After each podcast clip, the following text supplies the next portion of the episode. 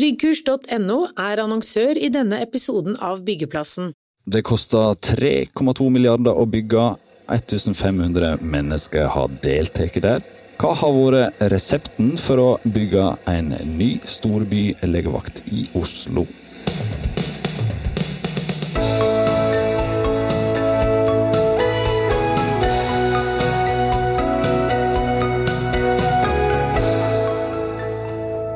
Hei og velkommen til en ny episode av Byggeindustrienbygg.no sin podkast Byggeplassen. Jeg heter Frode Aga, og med meg som programleder i dag har jeg Sindre Sverdrup Strand.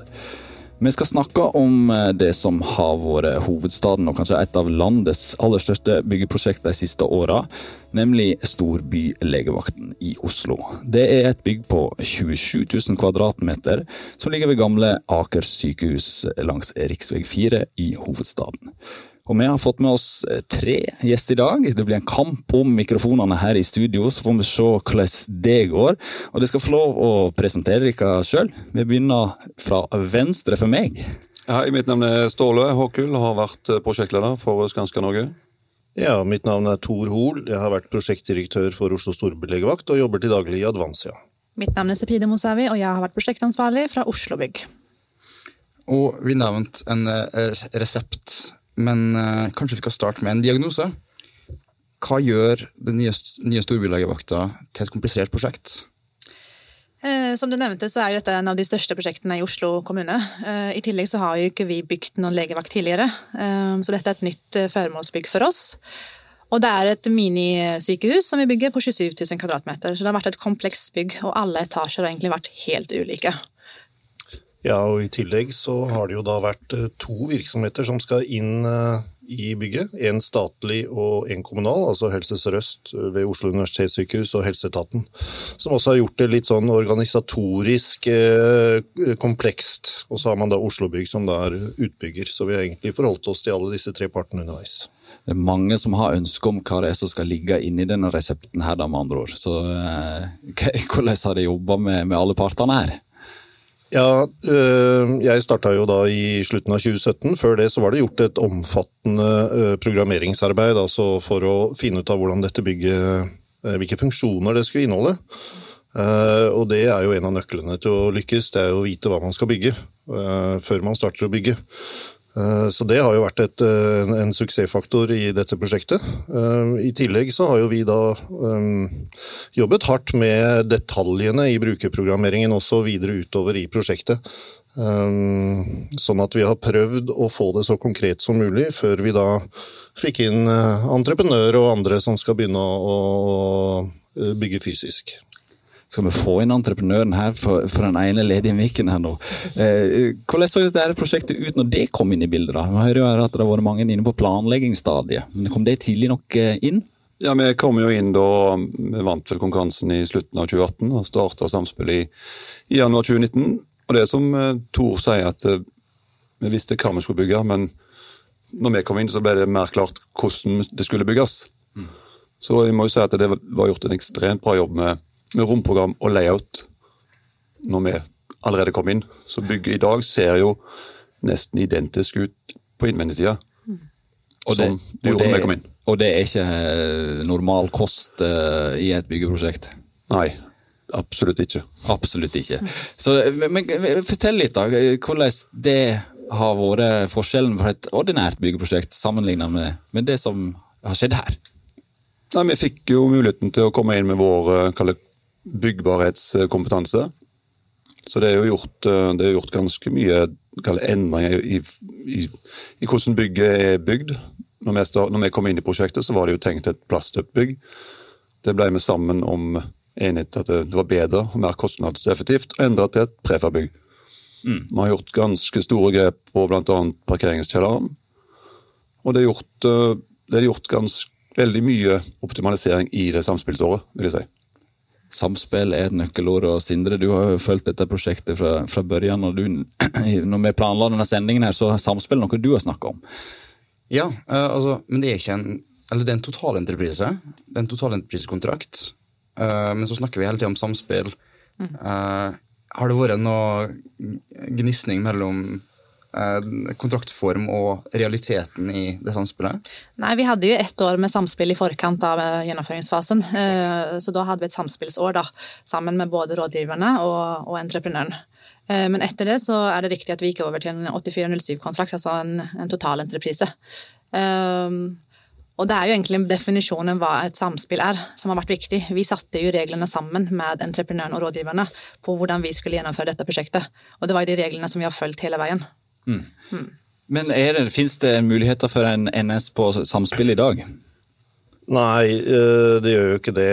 Det finnes en del eh, IDP-kontrakter også, og samspillskontrakter som for så vidt er brukt, men ikke noe standard som kommer fra, fra Standard Norge. Og det Nei. kan du jo vel kanskje si er et lite paradoks, at uh, man ikke har klart å bli enige om en felles samspillskontrakt. Men sånn er det.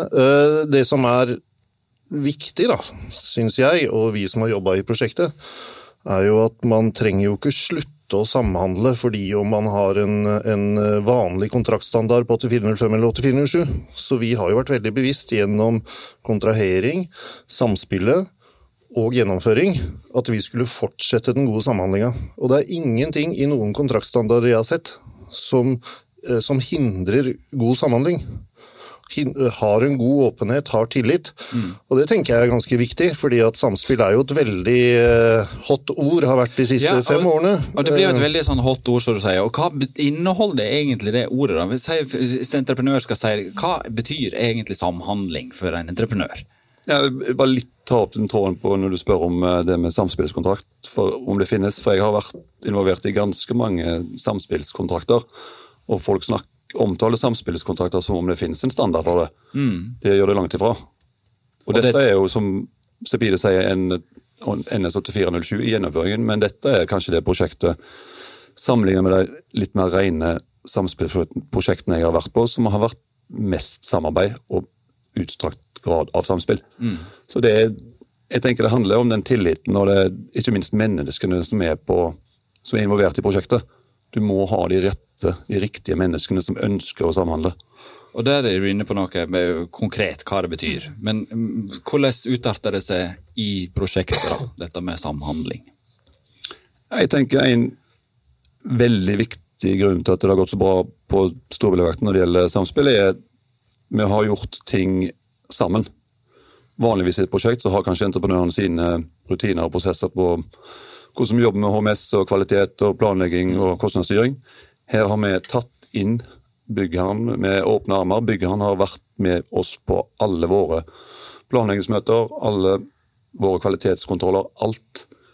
Så istedenfor å ha doble prosesser, så har vi gjort alt sammen. Det er ingenting i veien for at vi kan gjøre det i en ren totalentreprise. Det har vi egentlig bevisst. Tryggkurs tilbyr kurs og opplæring til byggeindustrien innen sertifisert og dokumentert sikkerhetsopplæring, HMS, brannvern, industrivern, førstehjelp, HR og GDPR.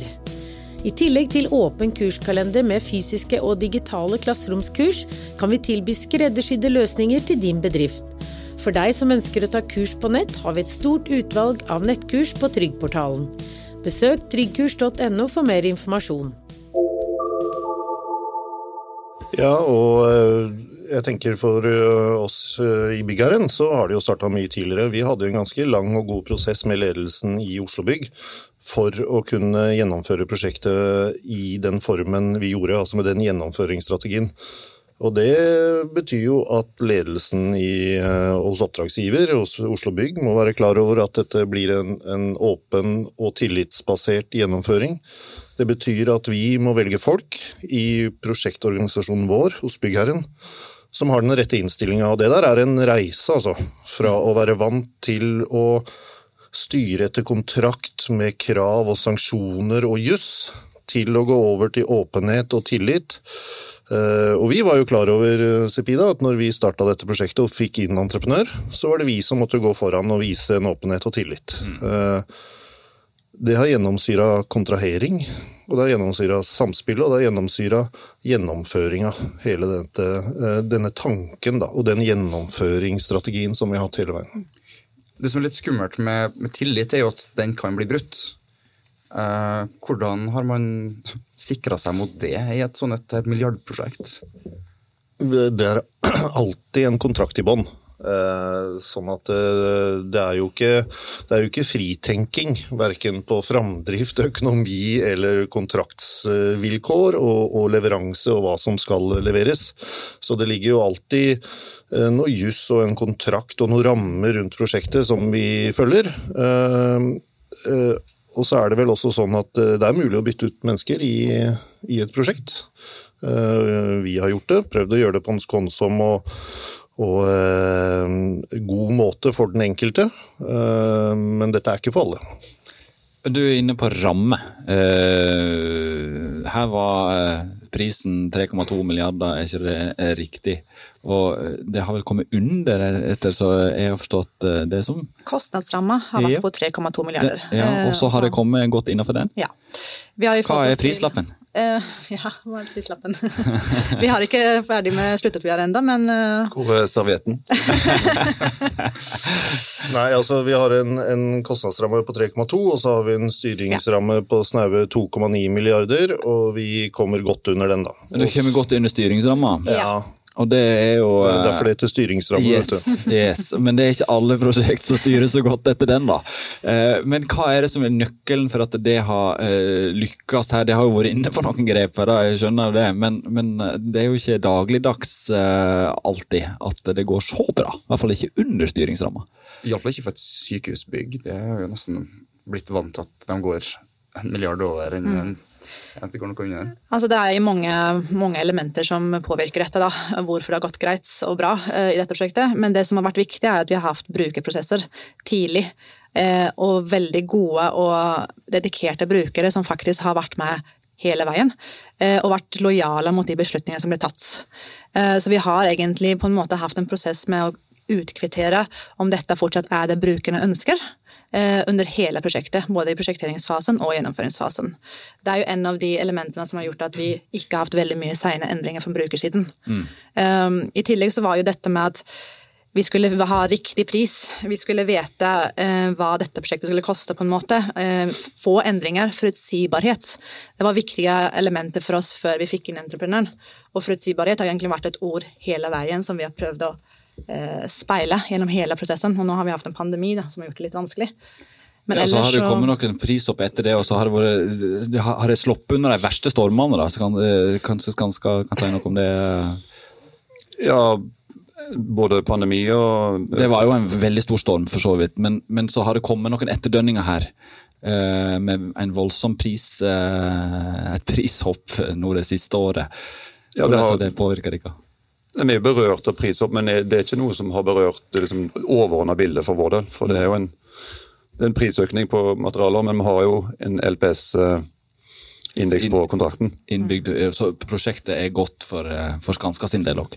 Prosjektet er absolutt et godt prosjekt for oss, ja. Men jeg tenker på å spinne litt på den eh, grunnen til at eh, styringsramma er holdt. Vi brukte jo ett år sammen på å mm. finne ut hvordan vi skulle bygge dette her, og samtidig kalkulerte underveis og lagde egentlig vår egen leveransebeskrivelse. Alle som var involvert, alle entreprenørene som var tatt inn, sammen med byggere. Som vi fikk med oss det bygget som med priser er det vi har levert. Og det er jo, som du sier, Sibir, det er omtrent null i endringer. Mm.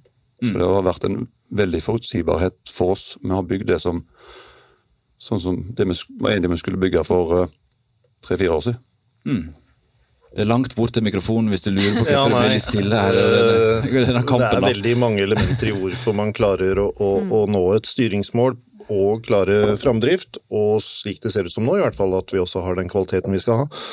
Uh, men jeg tror jo mye av det viktigste her sånn er at du setter noen Altså, det er grunnleggende prosjektstyring som jeg syns en del prosjekter glemmer. Blant annet at, uh, som vi har vært innom tidligere her, du må bruke god tid i tidlig fase. Og, det er jo bare å se på den figuren jeg lærte når jeg gikk på NTH mm. på sent 80-tall, var jo at du bruker god tid i tidlig fase. Da koster ikke endringene noe. Eh, og du kan få et godt prosjekt istedenfor å begynne å endre i sluttfasen. ikke sant? Ja.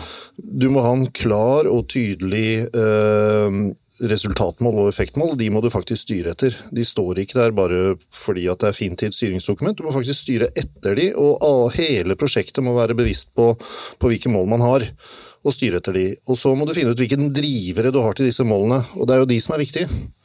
Så vi etablerte jo og identifiserte jo disse driverne ganske tidlig i prosjektet, og synliggjorde de overfor entreprenører og PG, at dette er driverne for å få et godt prosjekt. Og så har vi styrt etter det. Og så skal det også sies, hos entreprenør, hos prosjektledelse, hos Oslo Bygg, ordentlig god, gammeldags byggekompetanse. Mm. Altså, vi kan faget vårt. Et veldig god prosjektledelse, god eier, veldig god entreprenør, ja, da får du til dette her. Mm. Men det er en helhet i det hele, da. Og man kan prate mye samspill og teambygging, og man kan prate om Og det har vi gjort. Og Vi kan prate om Lean og VDC og BIM du må vite hva du holder på med. Det, det ligger i bunn, og det ligger i bunnen av dette prosjektet òg. Så uh, eh, oppskrifta på lykkes er å være flink? Er det så enkelt som det? Du må ha mer uh, konkrete råd enn det, tenker jeg. Ja. Uh, det var jo målhierarkiet, effektmål, å styre etter det og finne driverne. ikke sant? For det er jo veldig mange som har et mål, men de vet ikke helt hva som påvirker at du når målet. Eh, over eller under. Og Der har jo vi vært eh, veldig bevisste bl.a. på dette her at vi skal vite hva vi bygger før vi begynner å bygge. ikke sant?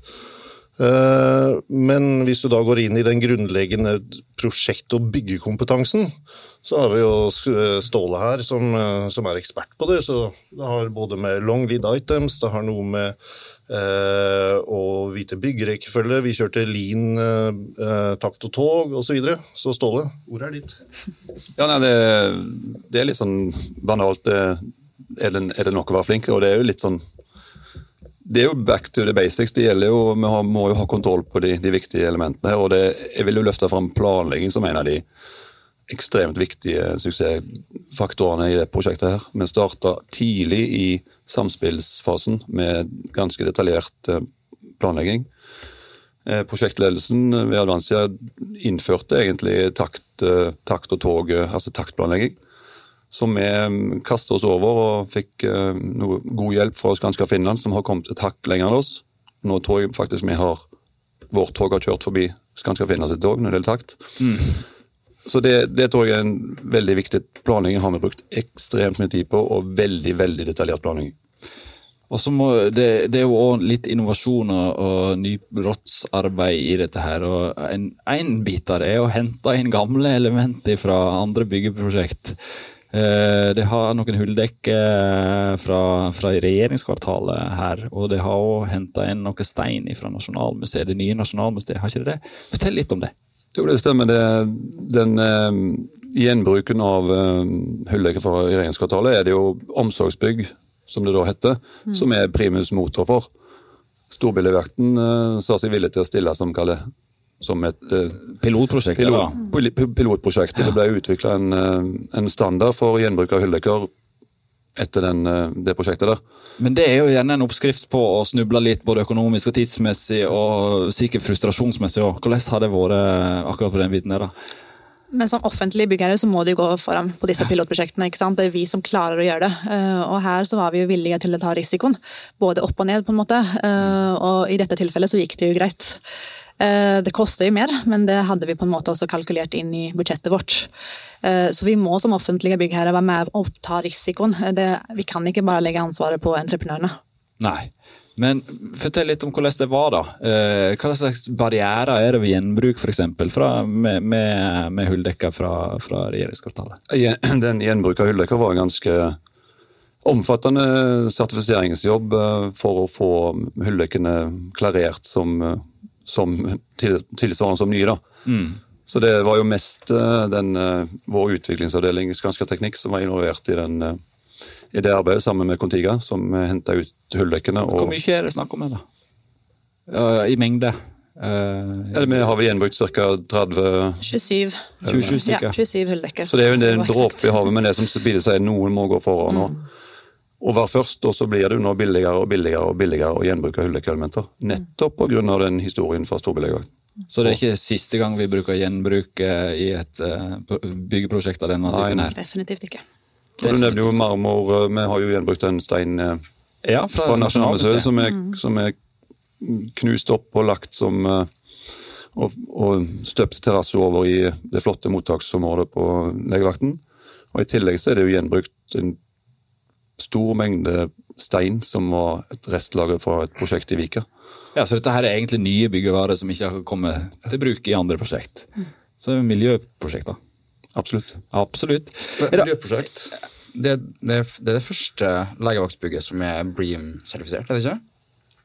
Jeg skal ikke si 100% at det er det, men eh, jeg tror det. Det er Bream Excellent-sertifisert. Uh, og altså, hvordan går man fram når man skal gjøre det for første gang? Eh, Vi måtte jo ta fram en ny bespoke for et legevaktsbygg. Eh, Det var en prosess vi gjorde ganske tidlig. Men eh, dette er ikke lenger noe sånn revolusjonerende. Før så var det veldig kostnadsdrivende å få sertifisert byggene i henhold til Bream-sertifiseringen. Men nå er, det, nå er ikke dette veldig kostnadsdrivende lenger, så lenge du får det inn tidlig. Alt handler om å komme inn tidlig. Ja, helt Alt. riktig. Der ligger nøkkelen. Men det, det høres jo veldig rosenrødt ut, dette her, da. Men gi oss litt uh, insight på For det er alltid noen gnisninger i et byggeprosjekt, og, og jeg regner med det har vært noen her òg. Uh, hva er det som er utfordringene, da? Om vi skal peke på noen uh, av den sorten? Ja, det, det er mange som har stilt det spørsmålet. Liksom, har det vært virkelig så rosenrødt? Og det, jeg vil jo si at det, det har ikke vært noe som jeg ville klassifisere som konflikter. Selvfølgelig så er vi uenige om små og store ting, men jeg, jeg tenker noe som er ekstremt viktig, er den Vi har sittet samlokalisert. Vi har sittet tett sammen oppe på legevakten. Vi ser hverandre daglig, vi spiser lunsj sammen, vi møtes med kaffemaskinen. Så ting blir tatt opp umiddelbart, så lenge du har en sånn åpen og tillitsbasert kultur i prosjektet. Det blir mer en eh, kollega, ikke en Ja, det blir et, et felles prosjekt. Et felles prosjekt som der, der folk egentlig ønsker å hjelpe hverandre til å lykkes. Så ting har ikke fått gro og murre lenge, sånn at det blir store utfordringer. Men jeg syns jeg hørte at sluttoppgjøret ikke var helt i boks. som- Sluttoppgjøret eh, hadde vi med et møte om tidligere i uka, og så skal vi ha et siste møte neste uke. Så er vi nok enig, så det er eksemplarisk. Det blir ingen rettslokale her på Rika. Absolutt ikke. Absolutt ikke. Avskrevet en gang for alle. Og det er jo hyggelig. Og så har det gått opp veldig bra på, på HMS-sida, har, har vi hørt. eh, uten skader, eh, i hvert fall med fravær. Eh, hva, det, det har ikke sendt av gårde noen til legevakten som eksisterer i dag. Ja, Det er nok en sannhet med modifikasjoner. Vi har eh, produsert nesten en million, eller sånn cirka drøyt 800 000 timer uten skader med fravær. Ja, det er med fravær som er Ja, nøkkelen. Noen eh, vi har hatt, jeg vil si egentlig kanskje litt for mange sånne det vi kaller H2-skader med vrikkank eller noe rusk på øyet, som har hatt eh, tilsyn hos uh, den gamle legevakten. Men alt i alt så har jo det um, sikkerhetsarbeidet gått veldig bra, og der vil jeg jo få berømme byggerens eh, fokus. Det hjelper alltid oss entreprenører at det kommer inn noen som har enda strengere HMS-briller og utfordrer oss på alle fronter. Men kan en bli litt for ivrig og sende deg tilbake i jobb bare for å holde en fin statistikk eh, på dette med null med fravær, da? For det betyr jo litt gjerne det òg, kanskje, å ha, ha den i boka. Jeg skjønner det er mange som spør om det, men jeg tenker det, du må heller snu på det og utnytte det, restverdien til den, den som har fått kalle, en liten skade eller blitt forhindra å gjøre det han vanligvis gjør, kan ha fortsatt en restarbeidsverdi som kan gjøre noe annet. Så det, vi har ikke um, Men det er vel en avveining en må Ja. ta i hvert tilfelle, selvsagt. Advansia eh, Ja, altså Det er jo viktig å si her at det er ingen som har fått noen småskader hos oss som har blitt tvunget tilbake igjen til arbeid. Eh, Har, de, eh, har det vært slik at de må ha hatt en sykemelding, Ja. så, så absolutt. Altså, så skulle de virkelig ha fått det, men det har det faktisk ikke vært. da. Ja. Yes, Er det andre ting ved dette prosjektet her som, eh, som folk i byggebransjen absolutt kan lære av? da? Ja, absolutt, men jeg vil jo si, altså, det er jo som Ståle er inne på, du var inne på, bare for å gå litt tilbake igjen, da, Ja. det er at det, SO-arbeidet er nok det området hvor vi har diskutert en del, eh, og sammen eh, kommet frem til, en, til, de gode praktiske løsningene. Da? Så der har det nok vært et område hvor vi har diskutert mye, når det var det du spurte om. Konflikter, sa du, det, det er noe som heter konstruktive konflikter, og dette er typisk konstruktiv konflikt. Vi hadde også tøffe, gode møter i oppstarten av samspillet. For vi hadde jo vår måte å jobbe på, og så kom Skanska inn med sin måte å jobbe på. Og der brukte vi nok et par-tre måneder før vi egentlig kom fram til en felles, omforent måte å jobbe på sammen videre. Hvor både Skanska flytta seg litt, og vi flytta oss litt. Så, så de trefningene der har du jo egentlig eh, ganske ofte gjennom prosjektet, og spesielt i faseoverganger, da. Eh, Så det er to eksempler på, på eh, diskusjoner hvor det har vært litt eh, hett om øra på begge parter. Ja, og det skal jo være Det er vel gjerne det i byggeprosjekt, å gi et litt innside på Men har det vært mer eller mindre? Det høres ut som det har vært mindre enn i et standardprosjekt. Er det riktig tolka, Ståle? Ja, mindre uenighet, ja. Ja, absolutt. Og det, men jeg tror det spiller tilbake til Vi satt sammen ett år. Skanska var inne, de store tekniske underentreprenørene og råbyggsleverandøren var inne lenge og fikk påvirka prosjektet. Vi fikk eh, lagd vår egen kokeoppskrift, en leveransebeskrivelse sammen med byggere. Der vi ble enige om at dette er det vi skal bygge. Vi har priser det. Og da, får du et annet eierskap enn hvis du mottar en kravspekk fra en rådgiver. Du har et eierskap og ønsker å levere på det du har sagt du skal levere på. Eh, Tor, du hadde noen eh, ord her. Ja, altså dette her å håndtere uenigheter har vi jo da også øvd oss på. Eh, For å bli god i noe og for å bli flink, da, sånn som du var innom, Sindre, så, så trenger man jo øve seg. Og vi hadde jo inne eh, mennesker fra HR eh, i Advansia, som da vi hadde eh, kickoff hvor vi egentlig ikke prata framdrift, risiko eller noe annet. Vi prata om felles målsetninger. Vi prata om hvem er Ståle, hvem er jeg. Eh, Vi har JTI den gangen, altså Jung type indeks. Så vi brukte egentlig lunsj til lunsj bare for å bli kjent og finne ut av hvordan vi skulle kommunisere. Hvordan er det eh, vi som prosjektledelse tenker at en god måte å kommunisere på, hvordan er det Skanska tenker at det er en god måte å kommunisere på. Sånn at, så hadde vi da oppfølging av dette her, inntil pandemien traff oss, selvfølgelig. Eh, sånn at eh, alt du skal bli god på, må du egentlig øve deg på.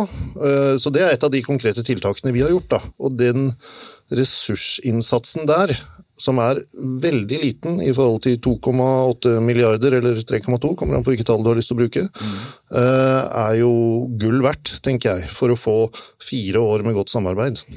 Og ikke minst at vi har hatt erfaringsutveksling jevnlig altså gjennom prosjektet. Både i prosjekteringsfasen og i gjennomføringsfasen. Vi har lært av det vi ikke skal gjøre om, og det som vi faktisk har gjort bra. Eh, Det pleier man ofte å gjøre liksom i slutten av prosjektene, men her har vi gjort det jevnlig under hele, hele perioden. Ja, og så har vi kontinuiteten i det prosjektet her, er, vil jeg si, er ganske unikt. Det er nesten ingen utskifting av nøkkelpersonell i no, hos noen av de involverte. Så I tillegg til som Mo Nordic og Anders spilte inn når vi hadde intervju i forbindelse med artikkelen i byggeindustrien, det, det med sykefraværet har vært veldig lavt hos Skanska òg. For dette har vært et prosjekt der, der folk ønsker å gå på jobb, og det, Det er bra. ja. Vi kom jo fram til et motto ganske tidlig i prosjektet, det var jo all energi i fortsetningen. Og det har vi jo klart å på en måte holde hele veien. Ja. Og så har det vært mange folk involvert her. Vi sa jo i introen at det var ett- nesten 1500 personer har vært inne på en eller annen del av prosjektet. og Krevende bare det. Ja, ja, det har vært uh, ca. 1500, pluss at det har vært over 150, mellom 150 og 200 forskjellige underentreprenører eller firmaer som har vært innom. Så det, det, er mye, det er mange personer og mye jobb som kreves for å administrere og opp mot Oslo-modellen, og det skal registreres for Mesreg. Så det, det har vært et veldig godt stykke arbeid som er gjort, både fra byggherre og Skanska, vil jeg si der, på seriøsitetsfronten. Ja, eh, vi begynner vel å nærme oss et slags eh, tak her og på en kostnadsramme på tid, i hvert fall. Eh, med mindre Sindre brenner inne med store spørsmål her på tampen. Altså, jeg tenker Vi snakker om et prosjekt her som eh, traff godt på, på kostnad og tid. Da kan ikke vi eh, sprenge våre egne rammer. Eh, så Og vi snakka jo litt om eh, erfaringsdeling. Eh, kan vi få et, bare alle tre komme med en klar erfaring som man kan ta videre med seg eh, som lytter eh, her? Ja, eh, Sett sammen prosjektteamet og ha fokus på relasjonskompetanse. Det er ekstremt viktig å ha riktige personer i teamet. Ja, jeg er jo en prosjektmenneske og har vært det i 20 år, så jeg tenker jo at man må gå tilbake til den grunnleggende prosjektstyringa og se på eh, å bruke tiden godt i en tidlig fase, sånn at du legger grunnlag for en effektiv gjennomføring. Det er, eh, det er utrolig viktig, altså. Ja, jeg vil også supplere det med, som jeg sa tidligere når det gjelder planlegging, så bruk så mye tid som mulig på planlegging. Og en liten siste sak når det gjelder når vi satt i samspill og kalkulerte. Det var jo alt, det var ikke alt som var 100% eller som var helt fastlagt, klarlagt hvordan det skulle være. Type lås og beslag og fast byggeinnredning er typiske områder som ofte blir det er vanskelige priser, og du må ta kanskje en risiko, eller noe går over, noe går under, så det blir litt sånn gnisninger. Men der ble vi enige om at da setter vi heller et avsatt beløp for lås og beslag og dører og fast byggeinnredning. Og så jobber vi sammen for å få det optimale, optimalisert de elementene, og så gjør vi opp når vi ser hva det ble. Da slipper vi både endringsbehandling og konflikter, og kunden får det, får det du betaler for. Og det var overlevering etter så jeg husker 2. mai i år, og eh, bygget skal vel tas i bruk da i november. Eh, og da får vi vel den endelige fasiten på om dette virkelig har vært så bra som det sitter og forteller her. Tusen takk for at, eh, at det var med oss som gjester i Byggeplassen. Vi er snart tilbake med nye episoder her hos oss. Tryggkurs.no var annonsør i denne episoden av Byggeplassen.